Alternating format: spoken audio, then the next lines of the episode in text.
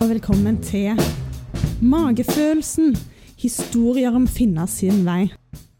I dagens episode så har jeg med meg Isabel Ringnes, som har prøvd og feila og til slutt funnet sin lidenskap innenfor teknologi og likestilling. Isabel er ei dame som setter seg mål, som satser og leverer. Og hun har faktisk brukt ti år på å finne den rette veien, og vet at det kreves innsats og sjanser for å nå det du vil. Hun kaller faktisk bakgrunnen sin for litt schizofren. Drømmestudiet fant hun på Singularity University, hvor hun tilbrakte ti uker på NASA sitt research center i Silicon Valley. Der lærte hun om eksponentiell teknologi og hvordan det kan brukes for å løse verdensproblemer. I dag er Isabel gründer, foredragsholder, leder, styreleder, forfatter og podkaster. Alt er mulig. Og sammen med Marie Louise Sunde startet hun i 2015 Hun spanderer og Equality Check, som virkelig har satt likestilling på agendaen i Norge. Sammen så jobber de for å adressere kjønnsstereotyper og ubevisst partiskhet på arbeidsplassen. Isabel ser muligheter innenfor teknologi, og hvordan det kan skape de løsningene verden trenger. Hun mener at det muliggjør at hvem som helst kan utgjøre en positiv endring i verden. Og hun ønsker seg enda flere kvinner innenfor tech, og har derfor gjennom teknologinettverket Tenk nådd ut til tusenvis av kvinner og jenter. Isabel har òg sin egen podkast, hvor hun intervjuer ledere og gründere fra hele verden om utvikling og trender innenfor teknologi og bærekraft. Jeg ønsker ikke å tildele ordet suksess en betydning, for jeg mener at suksess er personlig og burde handle om det som er meningsfullt for deg, dvs. Si det du aller helst ønsker å utrette og prioritere å bruke din tid på. Og med den definisjonen så vil jeg kanskje påstå at Isabel faktisk har oppnådd suksess. For hun har starta en arbeidsplass hvor hun får jobbe med det hun aller mest brenner for. Og hun viser til resultater. Det er nettopp dette jeg ønsker å snakke med Isabel om i dag. For hvordan gjorde hun det? Tusen takk for at jeg fikk komme. Jeg syns det er veldig gøy å få lov til å snakke med deg, som har utretta mye i en alder av 30 Én. jeg så det skulle på tre, jeg bare nei. 31. Jeg må ha de to ekstra hårene. Jeg er 33, så jeg har en tendens til å tenke at når folk er liksom rundt min alder, så er de like gamle. Men vi er jo på samme alder, men du vet jo hvordan det blir. Når man ja, ja. blir eldre, så er det sånn at man tviholder seg fast til de årene man har. Det, det er veldig viktig. Jeg syns du har gjort veldig mye, og at du er en inspirasjon for folk som kanskje har lyst til å gjøre noe for samfunnet og noe som betyr litt mer enn en bare vanlig jobb. Har du lyst til å fortelle om det du er mest stolt over å ha utretta? Det er at uh, Marie Louise Sunde og jeg uh, både har skapt vår egen arbeidsplass, men også skapt fire andre arbeidsplasser, og foreløpig, eller forhåpentligvis, mange flere i fremtiden. Det føles veldig kult. Det føltes helt uvirkelig for et år siden bare. Og som du påpeker, vi bygger jo dette selskapet med formål om å ikke bare være en arbeidsplass, men å være et sted hvor eh, man jobber for å forhåpentligvis ha en positiv effekt og påvirkning på verden, og da spesielt på mangfold og likestilling i arbeidslivet. Det sagt så er det jo veldig viktig at man også har eh, som du sier, vanlige jobber. Fordi verden går jo ikke videre om alle skal eh, starte sine egne initiativer og, jobbe hver for seg. Så alt er viktig, men nå har nå jeg valgt den retningen. Jeg tenker jo at folk flest har vanlige jobber, og da er det viktig at det er noen som tør å ta sjanser, sånn som dere har gjort. Jo, absolutt. absolutt. Men det er, eh, samtidig så er det jo mange i vanlige jobber eh, som eh, bidrar veldig mye med viktige ting i de jobbene. Mm. Eh, og det finnes mange ildsjeler. Altså, vi hadde jo aldri klart å lykkes om ikke vi hadde møtt alle de ildsjelene i de mm. mange vanlige jobbene rundt omkring i Norge. Så de er også veldig essensielle, føler jeg da. Mm. Det jeg tror er kult med dere som jobber litt på siden, er at dere kan gjøre andre bedrifter gode, og at dere kanskje gir inspirasjon til de til å ta initiativ og ta tak i ting internt. Ja, det er jo det vi håper på. Da er det jo veldig viktig at de gir oss sjansen til å hjelpe mm. dem. For det har jo vært noe som har stått veldig høyt hos oss fra dag én. Er at vi skal ikke være de som trekker frem de som gjør det dårlig, eh, de som har eh, stort forbedringspotensial. Mm. Eh, I de tilfellene så er vi mer opptatt av å identifisere forbedringspotensialet og hjelpe dem å bli bedre. Men først og fremst å trekke frem de som gjør det bra, og la de stå som en inspirasjon til andre. Og mm. forhåpentligvis da trekke flere i den retningen, sånn at vi får en massiv impact med mange selskaper som uh, fokuserer på å lykkes med likestilling og like muligheter. Det er bra. Det, jeg, det har jeg veldig troen på. det er hyggelig. Hva tror du, eller mener du, er hovedårsakene til at du har kommet dit du er i dag? Det er en kombinasjon av uh, både at jeg har hatt en trygg og fin oppvekst, foreldre som har uh, heiet, støttet, vært til stede eh, som ikke nødvendigvis er eh, noe man skal ta som en selvfølge. Det andre er jo at jeg har eh, tatt eh, god utdannelse, som eh, jeg tror man lærer eh, mye av. Om ikke det bare er faglig, så lærer man mye om å samarbeide med mennesker og jobbe hardt og jobbe under press. og man får et nettverk og den typen ting. Og så tror jeg det er en god porsjon mot i det. At, man, at jeg har tatt en del sjanser underveis. At jeg har vært veldig nysgjerrig på mange ulike ting som har gjort at jeg har blitt eksponert for ulike bransjer og ulike områder. Sånn at man sitter igjen med en kunnskapsbase og kan på en måte se likheter, paralleller og synergier gjennom uh, ulike bransjer. Og så tror jeg nok det at jeg var heldig og fant lidenskapen min, som er teknologi, i New York uh, i 2011 eller 12, at det eh, gjorde at jeg fikk på måte fart på veldig mange av de tingene jeg brant for. fordi det er jo ingen tvil om at med teknologi så kan man skalere eh, og systematisere veldig mye av det man ønsker å gjøre. Og som er det vi egentlig gjør i dag. Vi bruker jo teknologi for å, for å få til det vi, vi ønsker. Mm.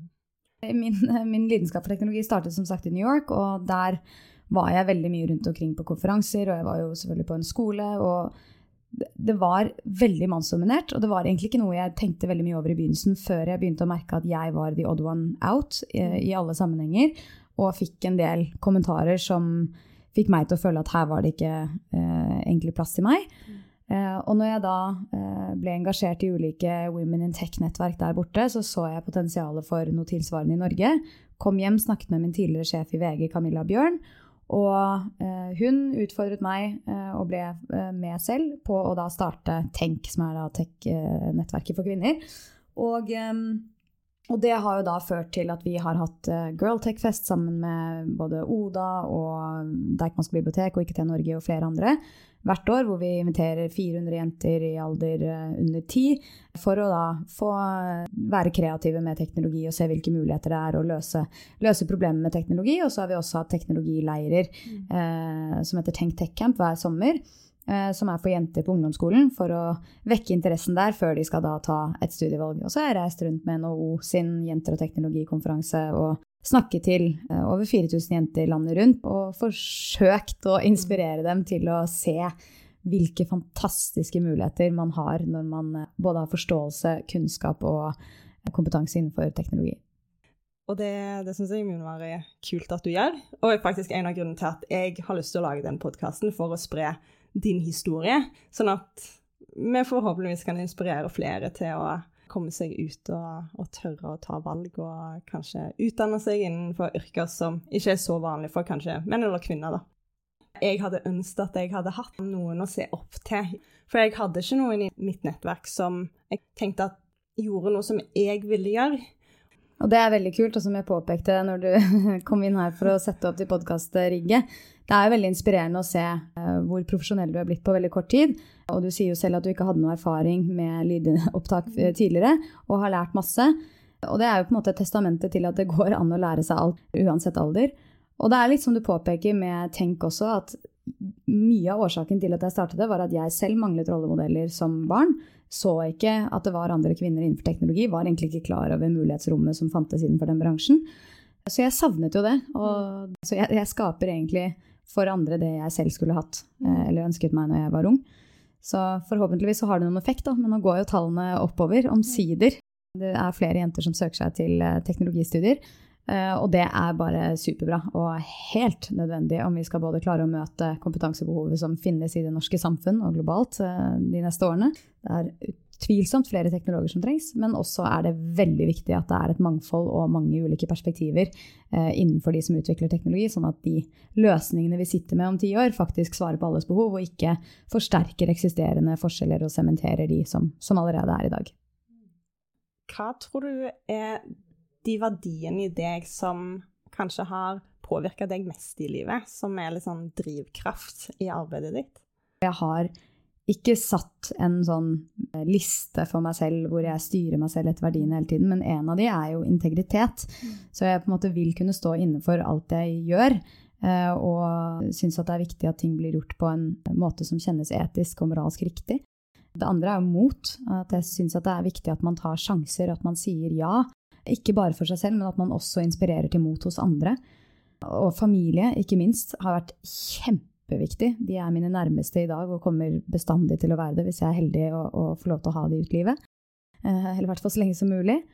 Og godhet, altså medmenneskelighet mot andre. Jeg, og likeverd for øvrig. fordi jeg, altså jeg er veldig opptatt av at eh, jeg skal behandle mennesker likt. Som hvis du jobber i en bedrift, at det ikke skal være noe forskjell på måten man behandler topplederen og måten man behandler resepsjonisten. Der man skal behandle alle med respekt, eh, være hyggelig og gi alle en følelse av at de blir sett.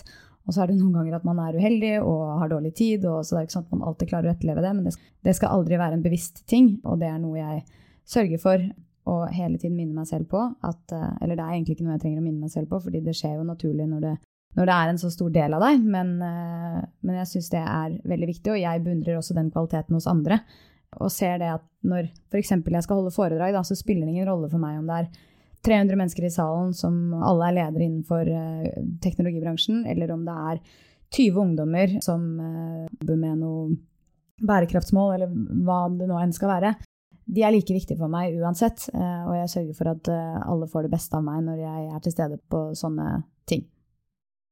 Hvordan tror du at verdiene dine påvirke valgene relatert til det å følge magefølelsen i ulike situasjoner? Jeg kan i hvert fall trekke frem mot integritet og likeverd, eh, eller medmenneskelighet, i det. For det er jo relatert til det å starte en oppstartsbedrift, og særlig eh, i Quality Check, som da vi har startet. Hvor først og fremst mot går på at man må tørre. Du får jo masse motstand, og det kan til tider virke helt umulig. Eh, men det å stå på, og de situasjonene hvor man kjenner på at det hadde vært enklere og mer komfortabelt å ikke gjøre noe, eh, eller å sitte stille i båten. Eh, det er nettopp de situasjonene hvor man må finne motet og gønne på. Mm. Og så eh, det med integritet, at når man bygger et oppstartsselskap, og særlig innenfor teknologi, så er det veldig viktig at man tar etisk riktige valg underveis. At man sørger for at flere perspektiver er med når man tar viktige avgjørelser om hvordan et produkt skal påvirke et samfunn eller en bedrift eller andre individer.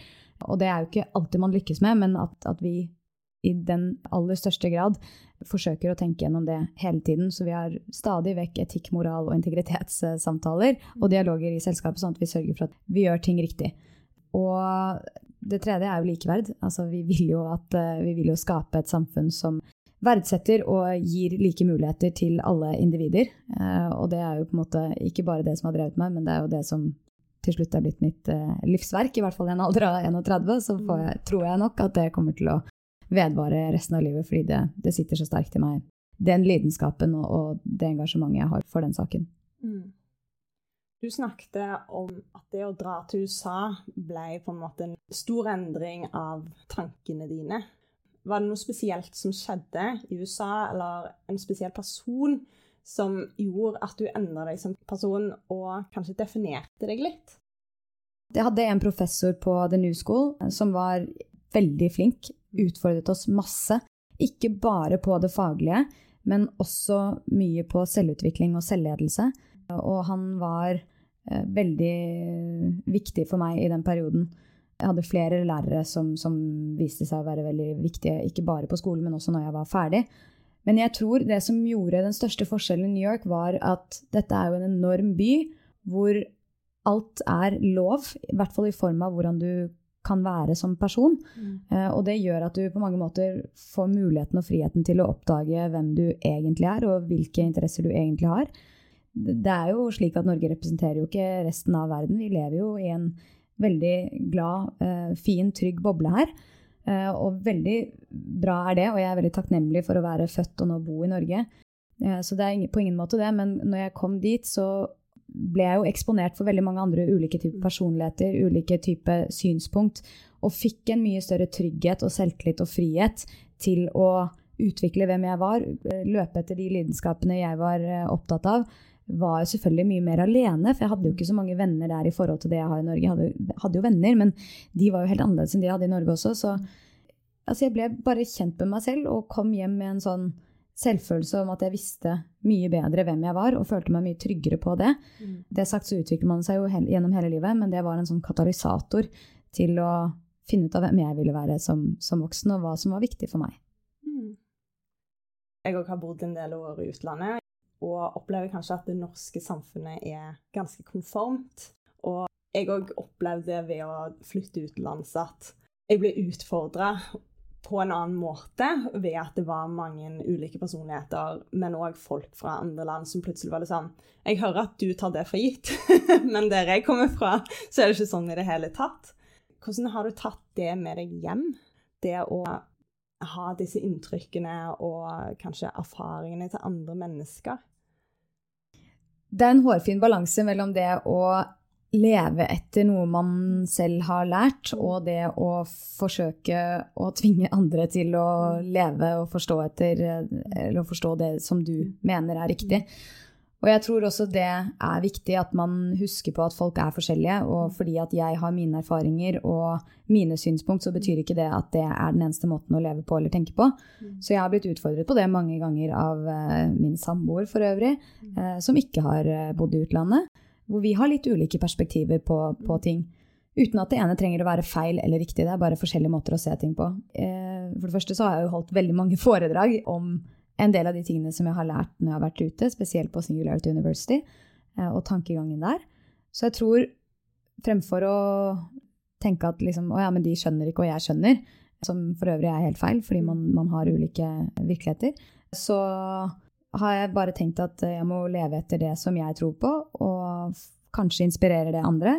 Og kanskje lærer jeg eh, noe av de òg. Og selvfølgelig gjør man jo det men du, men du, har jo rett i at Norge er et komfortsamfunn. Jeg tror kanskje det jeg mente litt at når jeg bodde i utlandet, så syntes jeg det var lettere å være meg sjøl.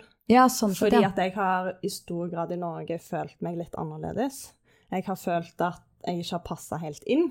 Og så når jeg flytta til utlandet, så følte jeg at alle var ulike. Så mm. da bare passet jeg inn. Ja. Eh, og så var det mer aksept for å bare være litt annerledes og ha ulike meninger. Og så snakket vi litt om det.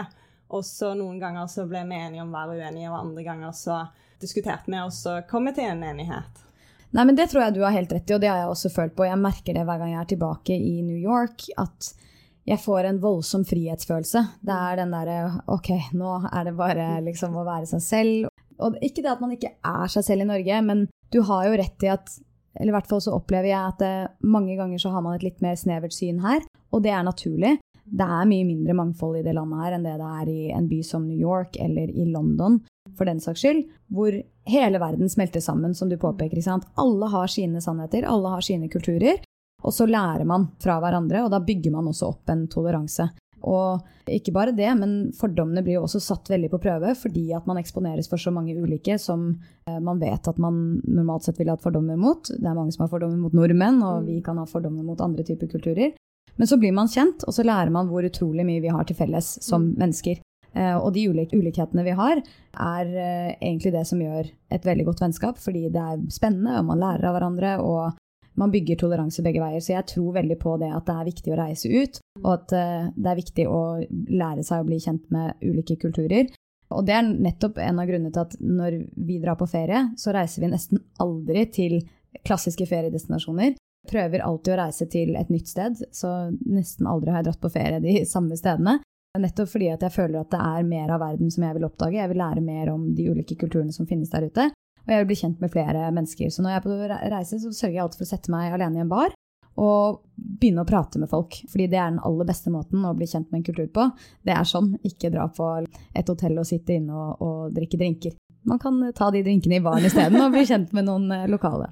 Veldig gøy. Hvor har du gjort dette? Jeg husker spesielt når jeg reiste til Kina alene, så var jeg jo på flere Tinder-dater, faktisk, ja. der borte, og det var jo veldig gøy.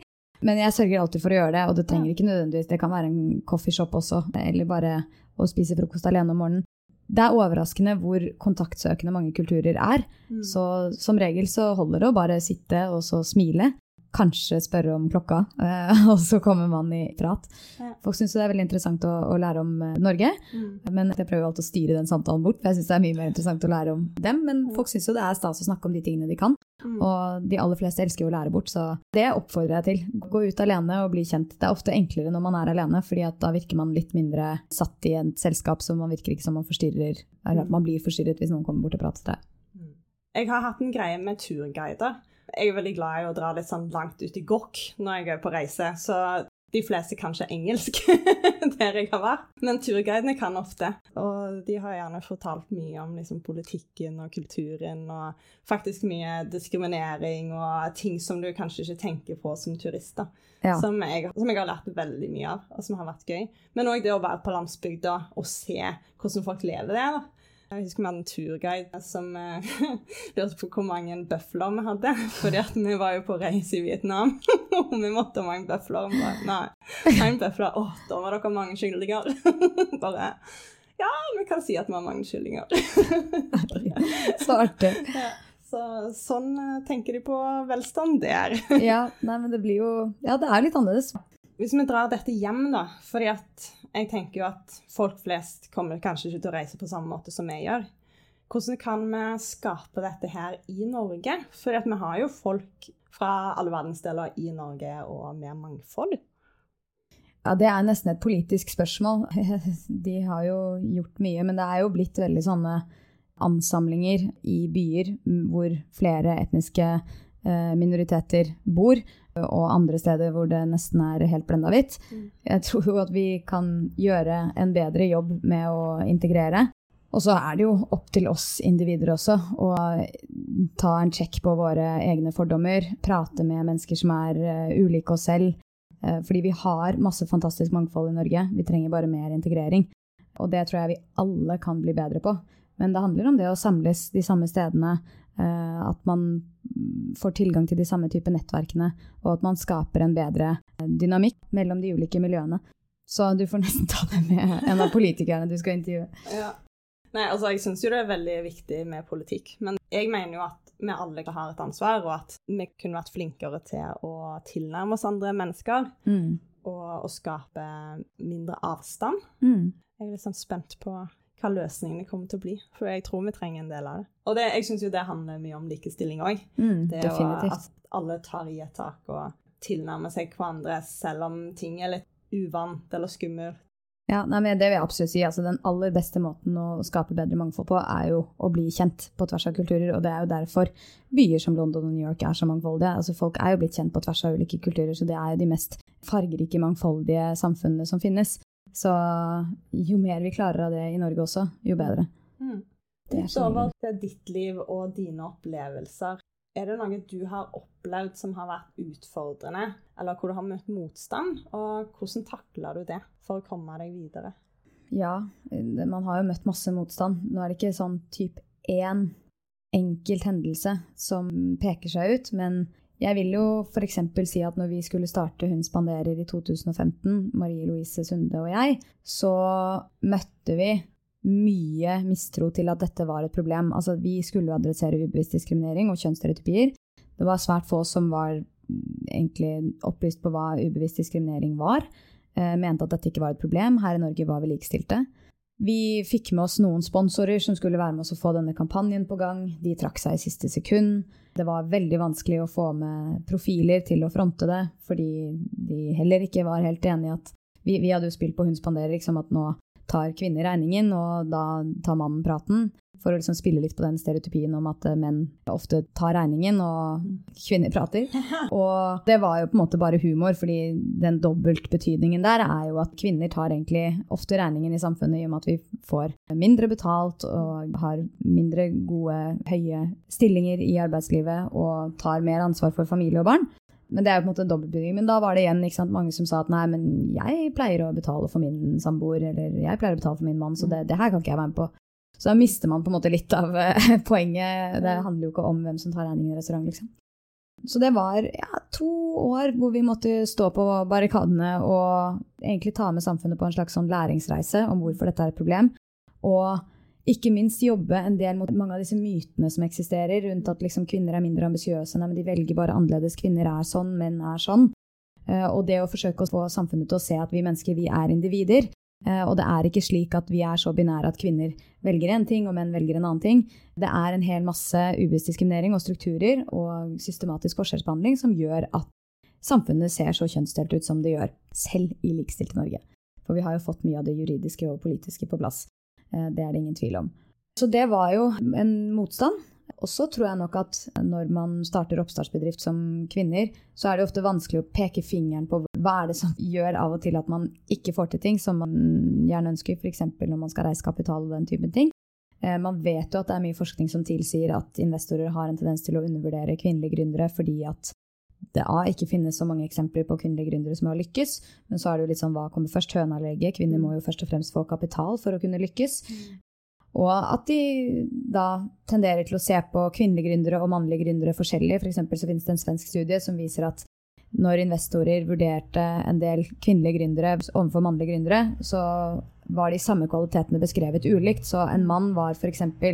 ydmyk, mens en kvinne var sjenert. En mann var full av potensial. En kvinne var for lite erfaring. En mann var karismatisk, en kvinne var for pen. Så det er litt sånn hvordan man ser helt like egenskaper, bare forskjellig basert på om du er en mann eller kvinne, og det kan spille i negativ favør når du skal starte et selskap og reise kapital og den typen ting. Så vi har nok sikkert vært utfor noen sånne også, men det er veldig vanskelig å sette fingeren på, for det er jo ingen som, som, sier det, og du vet jo ikke hvordan de ville reagert hvis du, du var en mann som sto der. Men uansett om det forekommer eller ikke, så må man jo bare kjøre på. fordi det er jo ikke noe vits å dra opp for kortet og legge seg ned og si at uh, dette går ikke fordi jeg er kvinne. Man må jo bare kjøre på. Og så går det jo til slutt. Mm. Var det noe spesielt du gjorde, eller noe som hjalp deg i den stunden, som gjorde at ting ble bedre?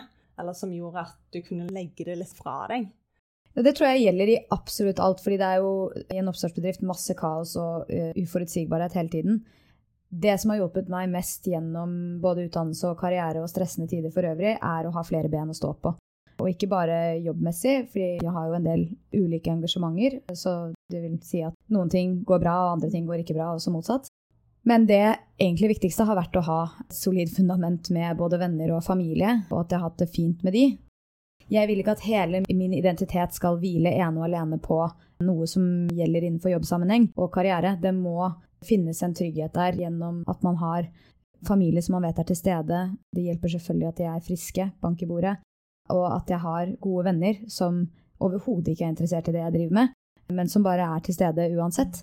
Og selvfølgelig det at man tar og prioriterer seg selv opp i alt også, at jeg ikke lar det gå utover søvn, at jeg ikke lar det gå utover velvære.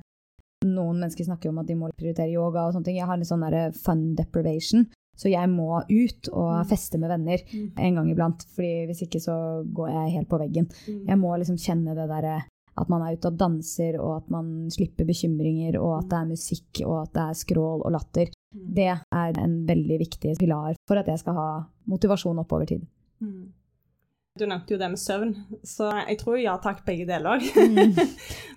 jeg tror det med lek det er undervurdert i livet, da. Mm. Og spesielt når ting er litt seriøst det å ja, le med venner og bare slippe alt. Det er ja. en viktig del. Utvilsomt. Mm. Og latter bør man også helst ha på jobb òg. Altså, mm. man bør kunne le av ting og ikke ta ting så altfor seriøst. Mm. Og når det er kriser. Altså tenke liksom, hva er det vi kan gjøre for å løse dette her, og så ikke grave seg ned i alle mulige detaljer rundt ting, men være så løsningsorientert som overhodet mulig, og hele tiden sørge for at man, man kan le av nesten alt. Mm. Jeg har faktisk å på musikk og danse i stua. Det syns jeg er veldig deilig. du, jeg er helt enig. Det var sånn jeg skjønte at min samboer var noe for meg. For jeg pleide jo alltid når jeg kom hjem fra middager eller hva det var, så pleide jeg alltid å skru på musikk på fullt volum og danse rundt helt Billy Elliot Blash Ariana slash Britney Spears rundt omkring i stua. Og hadde vært singel så lenge at det hadde blitt et slags ritual. Så når jeg kom hjem med han en gang, da, så var jeg litt sånn du må bare låse den på rommet, for jeg må bare ha min session her ute. Hvor jeg bare jeg liksom danser, hopper og bare er takknemlig for livet. Og det i New York, en sånn godt eksempel på hva jeg gjør der versus her, Her føler jeg liksom ikke like stor frihet for å bare gå ned gata, danse, synge, liksom sprette. I New York så gjør jeg det uten at noen reagerer, for det er jo bare helt vanlig. Så der er det sånn jeg bryr meg døyten om folk ser at jeg på en måte bare elsker livet mens jeg går nedover gata. Og det gjør jeg mye når jeg er der, fordi ja, jeg blir jo bare glad av eh, atmosfæren. Åh, det er fantastisk. Etter jeg flytta tilbake til Norge, så har jeg slutta litt å snakke med folk på bussen og i, i køen og smile til folk på gata, fordi at jeg har fått en del kommentarer, ikke om meg, men om andre som har gjort noe at folk har kanskje syntes det var greit. Mm. Så bestemte jeg meg for sist uke at folk får heller synes at jeg er irriterende, for at jeg syns det er hyggelig når folk smiler til meg på gata. Og det er jo sikkert noen innimellom som ikke liker det. Men jeg tror jo egentlig at folk flest bare blir veldig glad når andre er glad. Ja, absolutt. Absolutt. Jeg er ikke så god på det. Akkurat når jeg er i bil eller i taxi eller i, på bussen eller trikken, så er jeg litt sånn i mitt eget hjørne. Så jeg tror man er litt ulike på det. Så jeg er ikke flink til å prate, men jeg hadde syntes det var veldig hyggelig om noen pratet til meg. Det hadde ikke noen ting, egentlig.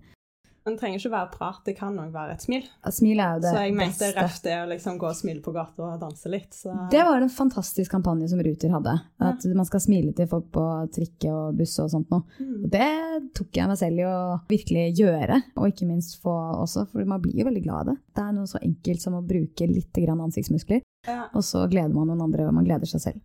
Det er et studie som viser at hvis du tar en penn på tvers av munnen, så munnen står i en sånn smileform, så blir du automatisk gladere uten at du egentlig faktisk smiler. Men det lurer hjernen din til å tro at du er blid, da. Så um, det ligger noe i det å smile, så vi kan alle være flinkere på å smile oftere. Mm, absolutt. Har du noen gang i løpet av livet tatt valg pga. ytre press som du kanskje ikke sjøl har vært så fornøyd med? Ja, jeg eh, begynte jo å studere økonomi, og jeg kan ikke helt skylde på andre heller, fordi jeg var virkelig ikke helt klar over hva jeg ville gjøre.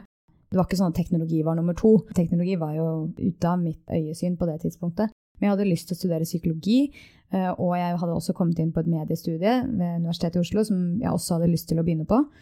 Men så husker jeg at alle vennene mine begynte på BI, og de skulle studere økonomi, og det var jo klart at foreldre syns jo gjerne at det er veldig flott at du studerer økonomi, for da har du en slags sånn kunnskapsbase som du kan bruke innenfor mange ulike felt, som er bra hvis du ikke helt vet hva du skal gjøre. Så jeg ble nok overbevist om at det var det rette valget å ta, sikkert pga. det presset, egentlig indre press, hvor jeg tenkte at jeg ville ikke falle utenfor vennegjengen, jeg vil være en del av et uh, miljø som det virker som det er uh, gøy på BI, og den typen ting. I etterkant så Livet er jo blitt som det er blitt pga. de valgene man har tatt, og BI har jo vært en av de. Og jeg var fornøyd med studietiden min på BI fordi at jeg var en del av Jentekor og Skoleavisen og de fantastiske ulike studentorganisasjonene som finnes der. Men om jeg bare skulle tenkt på det faglige, så var nok ikke økonomi det som jeg kanskje fikk mest utbytte av. Jeg er ikke helt skrudd sammen sånn at jeg syns det er voldsomt interessant.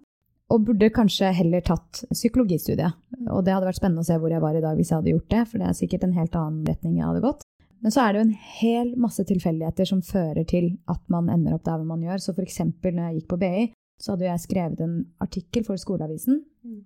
som var BI fra A til Å. Et, veldig sarkastisk syn på BI.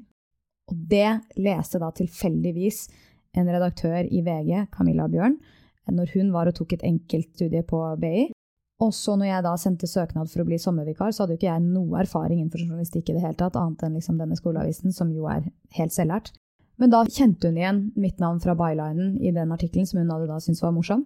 Så jeg fikk komme på et intervju, og så trodde hun på meg. Og så var det på en måte VG, og det førte jo igjen til at jeg ble inspirert til å dra til New York, og så studere media. Det er mange ting som man ikke vet at ville skjedd hvis man ikke hadde tatt de valgene. Men rent faglig så skulle jeg mye heller ha studert psykologi eller teknologi fremfor økonomi. Jeg òg har veldig troen på at alt fører til noe. Jeg syns ikke vits å angre. Jeg tror at jeg har blitt et bedre menneske etter å ha møtt på de utfordringene som jeg har møtt på. Akkurat som jeg ser andre mennesker på en helt annen måte. Før det så hadde livet vært kjempesmooth. Mm. og så skjønte ikke hva folk snakket om. Og så plutselig var det sånn Å ja, skjønner. og så kunne jeg lettere møte de på veien, da. Mm. Hva tror du er den viktigste avgjørelsen du har tatt i løpet av livet? Det å tørre å forlate trainee-jobben i Skipsted og begynne for seg selv, det gjorde jo en veldig stor forskjell. Men i forløpet til det så kom jo det at jeg turte å søke på noe som het Singularity University, og den konkurransen som gjorde at jeg kom til NASA i ti uker. Og det å tørre å be om permisjon og dra over dit Jeg var jo relativt fersk som trainee, så det føltes jo veldig skummelt å gjøre alt dette eh, midt oppi denne veldig lovende karriereløpet som det er å være trainee i Skipsted, som er et fantastisk sted å jobbe for øvrig. Og når jeg da sa opp den jobben for å starte for meg selv uten å egentlig helt 100% vite hva det var jeg skulle starte, men begynte steg for steg med å engasjere meg i ulike ting, starte ulike initiativer, skrev jo bok, begynte podkaster, systematiserte tenk, jobbet videre med Hun spanderer, var med i masse ulike initiativer som medier og sånt nå gjorde, ble med i to styrer, og så til slutt liksom startet i Quotacheck. Og jeg husker at jeg satt og var så ekstremt usikker. Mm. Og så kom jeg på noe som en uh, av mentorene mine ved Singularity University sa, at hvis et valg er veldig vanskelig, så er det som regel fordi at ingen av valgmulighetene er feil. Så jeg kunne blitt, og jeg kunne sikkert ha fortsatt der og syntes at det var kjempebra. Og på mange måter så tenker jeg av og til gud, det hadde vært deilig. Men så ble det jo sånn det ble, og jeg er jo veldig glad for at det ble sånn som det ble også. Jeg gråt eh, på telefonen og jeg sa. Jeg bodde jo i London på det tidspunktet, og jeg, jeg syntes det var veldig, veldig tøft, for jeg var veldig glad i det selskapet. Og som trainee så føler man seg som en del av en familie, fordi det er liksom ti andre som du har mm. begynt med, og som du roterer med i to år. Og, og det var jo fantastiske mennesker, og jeg følte at jeg var en sånn stor skuffelse. Og det var liksom noe jeg virkelig kjente på, men som, som føltes riktig på det tidspunktet. Og da igjen må man jo følge det som føles riktig, selv om det er skummelt. I løpet av livet eller noe, har du følt på skam, sårbarhet eller usikkerhet relatert til egen person eller egne valg, og hva har trigga det frem? Ja, så mye. Jeg tror ingen personer i hele verden ikke kjenner på usikkerhet, skam eller sårbarhet. Usikkerhet nesten hver gang jeg skal holde et foredrag. Bestandig så har jeg tvangstanke om at det er denne gangen det kommer til å gå skikkelig dårlig. Så det er fryktelig ubehagelig. Det er vel ikke helt skam, men det er vel litt sånn skuffethet. Og det tenkte jeg på når Du sendte jo over noen stikkord i går, og da tenkte jeg litt på dette med når er det jeg har følt at jeg liksom har skuffet litt og følt litt på skam. Og jeg husker jo f.eks.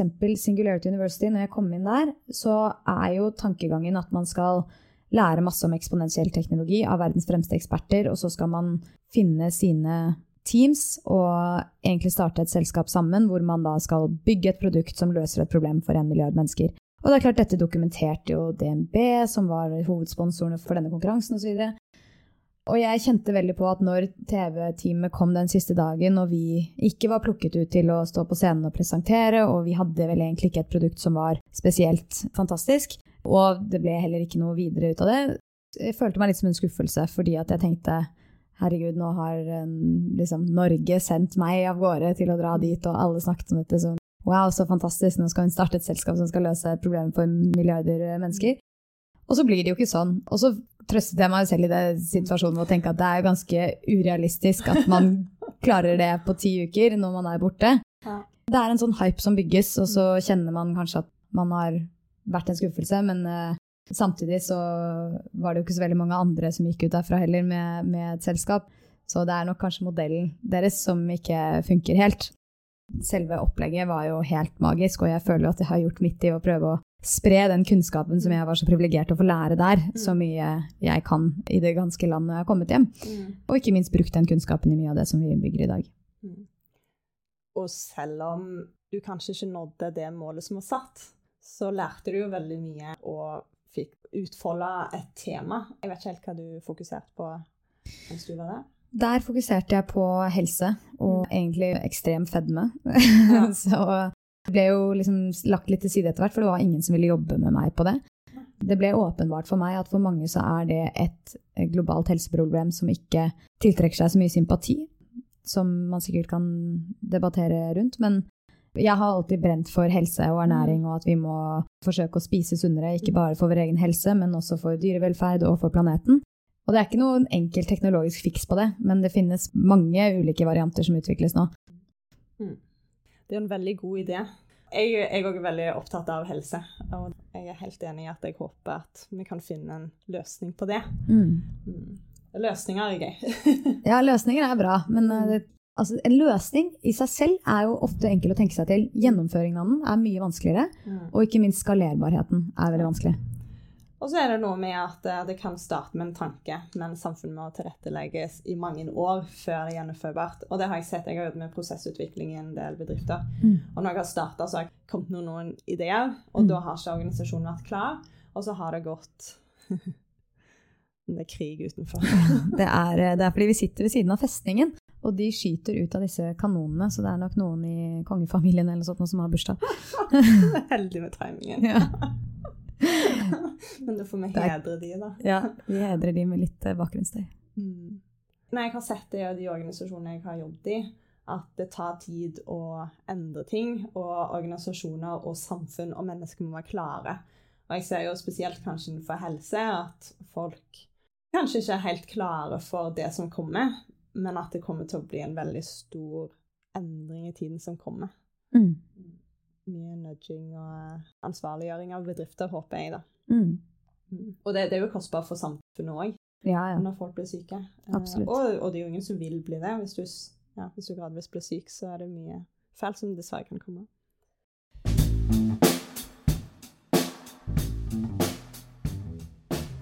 Hvis du kunne snakket med deg sjøl på et tidlig stadium i livet, hva hadde du tipsa om da? Jeg hadde nok sagt mye av det mine foreldre egentlig har fortalt meg. Så jeg vil jo gi de mye ære av å være inspirerende i seg. De har alltid sagt 'vær deg selv', tro på deg selv, sørg for å få til noe. Altså, du bygger jo selvfølelse på å mestre. Så det å bli god til noe, ikke hoppe altfor mye mellom ting, som jeg gjorde en periode. Det å bli god til noe og finne ut hva man eh, vil gjøre og satse på det, det er viktig. Det sagt, aldri slutte å lære. Aldri slutte å utfordre seg selv ta sjanser. Og jeg tror en av grunnene til at jeg har vært god til å ta sjanser og til å ha en del mot, er fordi at jeg er ikke så redd for å drite meg ut. Jeg er ikke så redd for at ting går dårlig. Og det handler jo litt om den selvfølelsen som du bygger opp gjennom tid, både basert på mestring, men også at du har flere ben å stå på. At du kjenner at går ikke dette bra, så har du fremdeles venner og du har familie, og hele identiteten min er ikke jobben min. Så det jeg ville sagt, er tro på deg selv, Ta valg som føles riktig. Mm. Ikke la folk manipulere deg. Lær så mye du kan om så mye du kan. Mm. Og dypp bena dine inn i mange forskjellige bransjer, noe som jeg for øvrig gjorde. For jeg tror i dagens samfunn så har vi så utrolig mange valgmuligheter, og vi blir tatt av dette paradokset, eller den valgets paradoks. Det er så mange valgmuligheter at man ikke klarer å ta et valg. Jeg tror det er viktig å begynne å prøve ting og teste ting å bli kjent med seg selv. fordi man blir ikke kjent med seg selv ved å sette seg ned og tenke, man blir kjent med seg selv ved å forsøke mm. ulike tangenter. Så det ville jeg nok sagt. Og så ville jeg sagt omring deg med gode folk. Altså ikke bare de som er eh, superinspirerende og ambisiøse og smarte, men folk som er genuint gode og som vil deg vel. Fordi når du er det, så klarer du jo alt. Og vær, vær en sånn type person selv mot andre. Det er fint. Hva er ditt beste tips til de som ønsker å følge magefølelsen, men hvor de føler press fra omgivelsene, eller skam for tankene sine, relatert til det de ønsker å gjøre? Det vil jeg si er først og fremst finn folk som tror på deg også. For det er veldig tungt å stå i sånne prosesser over lang tid alene. Du klarer det en stund. Men bare fordi at noen er skeptiske til deg, så vil ikke alle være skeptiske til deg. Finn de menneskene som tror på deg, tror på ideen, og er villig til å hjelpe deg og jobbe med deg, og det vil finnes mange flere av de enn de som er skeptiske, mener jeg. Så det ville vært nummer én ting å gjøre, og det andre er jo å slutte å ta seg selv så innmari seriøst. Altså, det Ok, liksom, så går det ikke bra, da, men så prøvde du. Mm. Og det er ikke verdens undergang. Ingen kommer til å dø av at du ikke lykkes med en startup. Vi har et fantastisk sikkerhetssystem her i Norge. Det er en av de enkleste landene å starte på. Så legg egoet ditt fra deg, og gønn på, og slutt å være så opptatt av hva alle andre tenker og tror om deg, men bare gi det et forsøk. Og le litt av det hvis det går dårlig. Selvfølgelig er det lov å være skuffet og sint og alt sånt, men ikke grav deg selv ned. Du er ikke bare jobben din mm. eh, og det du starter, du er også veldig mye annet. Og det er ikke sånn at når du starter et eller annet, det vil i de aller, aller, aller færreste tilfellene forbli det som du opprinnelig tenkte at det skulle være. Det kommer til å bli noe helt annet. Så vær forberedt på det også, at ideen din vil utvikle seg over tid. Så det som kanskje det fantes masse skeptisisme rundt, Equality Check er et klassisk eksempel på dette, hvor nesten alle er skeptiske i begynnelsen, men så kommer det i gang, produktet innoverer seg, og det utvikler seg, og så etter hvert så begynner folk å se nytteverdien, folk begynner å tro på det, og så begynner på en måte ballen å rulle. Men det er ikke sånn at du kommer med en idé til noen, og så bare tror de på deg med en gang. Gjør de det, så er det en sinnssykt god idé, så da må du bare kjøre på med en gang. Men ofte så trenger den litt modning. Mm. Når du er gammel og grå, hva ønsker du å ha oppnådd da? Om man skal sette et veldig hårete mål, så vil det jo være at uh, det er uh, global likestilling. Det, det, tror jeg dessverre kanskje ikke vil skje globalt i min livstid. Og det vil i hvert fall ikke bare være pga. det som vi har gjort, men det vil være en diger innsats fra veldig mange. Jeg håper å ha en egen familie, og at jeg uh, fremdeles har både venner og familie som er glad i meg, og som jeg er glad i. Så det er på en måte på, de, på det private. Bedriftsmessig så håper jeg jo at vi er blitt en global bedrift. Og kanskje aller viktigst så håper jeg at vi har skapt masse arbeidsplasser, og at den arbeidsplassen oppleves som inspirerende, motiverende, gøyal eh, og fin for alle de ansatte som eh, vi forhåpentligvis skal ha. Og det er veldig viktig for meg. Det å kunne skape en, en god arbeidsplass for folk. Og ikke minst at den arbeidsplassen totalt sett jobber for en bedre verden. Om vi lykkes eller ikke med akkurat den globale likestillingen, det vet jeg ikke, men vi skal i hvert fall gjøre alt vi kan. Og hvis jeg da er gammel og grå og føler at jeg har gjort alt jeg kan, da får det være godt nok. Det høres bra nok ut, det. veldig veldig ambisiøst, men uh, ja, vi får se. Og så er det jo viktig å være åpen på at livet kan jo forandre seg også. Man vet aldri hvilke curveballs som kommer. Og, så det er jo ikke sikkert at jeg kan snakke på vegne av meg selv som gammel og grå jeg kan jo involvere meg i helt andre ting om noen år. Mm. Jeg tenker at det er viktig å gjøre alle liksom dødelige. Så har du lyst til å fortelle om ditt pinligste øyeblikk? Ja, jeg har mange av de òg. Men eh, hvis jeg skal trekke frem noe jobbrelatert åh, Det var ikke så lenge siden heller at det skjedde. Altså Marie og jeg vi holder jo mye foredrag, og vi er ganske vant til at eh, når vi holder foredrag, spesielt i Norge, da, så er det jo ofte noen hundre publikum, og det er sånn seriøse greier. Og så ble vi invitert til å holde et foredrag i Sverige, og syntes jo det var litt stas. Og vi skulle da reise over dit, og vi skulle komme og holde dette foredraget. Og var veldig spente. Og hadde jo brukt ganske lang tid på å lage denne presentasjonen og slidesene og alt sånt, og vi hadde vært mye i kontakt med de som skulle arrangere osv. Og, så og så kommer vi dit, og for det første så er det egentlig ingen som visste at vi skulle komme. Og de må liksom finne ut av hvem kontaktpersonen vår var, og alt sånn, og de var litt sånn ja, nei, de er på lunsj, men de møter oss etterpå, liksom, vi kan bare begynne å sette opp. Og vi visste jo ikke hvor vi skulle sette opp, ingenting. Og så står vi da i denne egentlig biblioteket, som, eller lesesalen, som vi da skulle holde dette foredraget i, hvor det verken er noen skjerm, alle sitter og jobber der. Og så er det liksom ingen som har fått med seg at vi skal holde foredrag i det hele tatt. Så vi tenker sånn, hvordan skal vi gjøre dette? Vi kan ikke holde dette foredraget. Vi kan ikke bare begynne å snakke midt ute i et bibliotek hvor folk bryr seg døyten om at du er her. Så de var sånn nei, nei, men vi har kjøpt noe lunsj, så dere kan prøve å gi lunsj til folk for at de skal høre på dere. Så vi måtte da gå rundt til alle folka i biblioteket og si sånn hvis dere hører på vårt foredrag, så får dere denne gratislunsjen. Altså det var helt forferdelig pinlig. Og det var liksom noen sånn typ to-tre stykker da, som satte seg foran oss. Og ja, vi visste jo ikke hva vi skulle gjøre. Og så kom jo da en investor som vi hadde sagt til vi skal holde dette foredraget i Sverige, og det blir veldig kult, og du må komme og se på, for vi tenkte at han kan jo da være interessert i å investere i oss etter at han ser hvor populære vi er i Sverige. ikke sant? Og så kommer han gående inn, og så er han litt sånn Ja, er det her foredraget skal være, liksom? Sitter jo disse to menneskene på to stoler foran oss, så ja. Og da måtte vi jo bare bite det sure eplet og tenke ok, nå må vi bare holde dette foredraget, og så får vi bare håpe. Så da begynte vi rett og slett bare midt i en sal hvor ingen brydde seg. Det er ikke en sal, det er virkelig sånn en kantinebibliotek. Begynte bare å snakke ganske høyt. Hvor vi begynte liksom When I first studied technology in media in New York, I noticed this and that, og begynte å liksom equality check, og alle var sånn Hva skjer? Så det var helt utrolig pinlig, og jeg ville bare at det foredraget skulle bli ferdig så fort som overhodet mulig, for vi følte oss bare som en forstyrrelse. Men vi gjorde det, vi sto i det. Jeg husker at vi kom tilbake igjen til Norge, og da var jeg altså så gjennomsvett fra å ha stått i den der situasjonen der hvor du bare kjenner at uh, dette var ikke helt sånn som vi hadde trodd det var. Det var rett og slett litt pinlig å fortelle til selskapet at nei, det, det foredraget der var ikke så stas som vi trodde det skulle være. Det var uh, egentlig ingen som hadde fått med seg at vi skulle holde foredrag i det hele tatt. Så ja, det er jo en relativt fersk opplevelse som jeg tror Marie og jeg neppe glemmer med det aller første.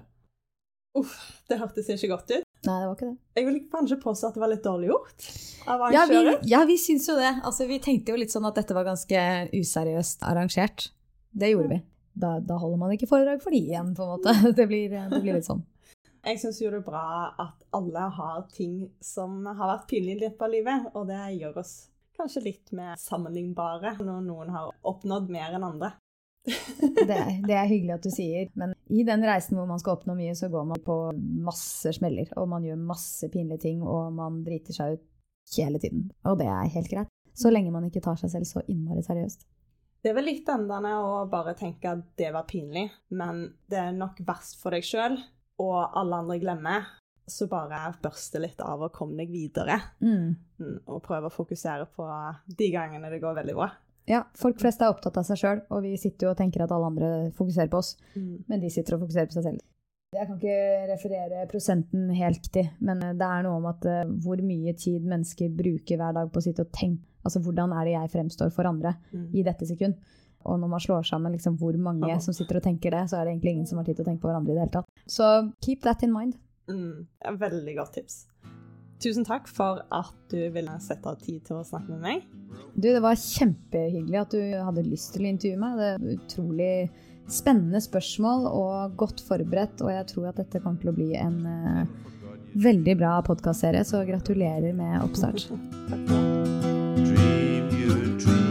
Og husk selvfølgelig å følge podkasten der du hører på meg. Gå gjerne inn på magefolelsen.com med O, og òg magefolelsen.podkast på Instagram. Der finner du meg, og der får du oppdateringer om nye samtaler som jeg har med mange spennende folk. Og så har jeg òg skrevet en del informasjon om min bakgrunn og min historie. Vi snakkes!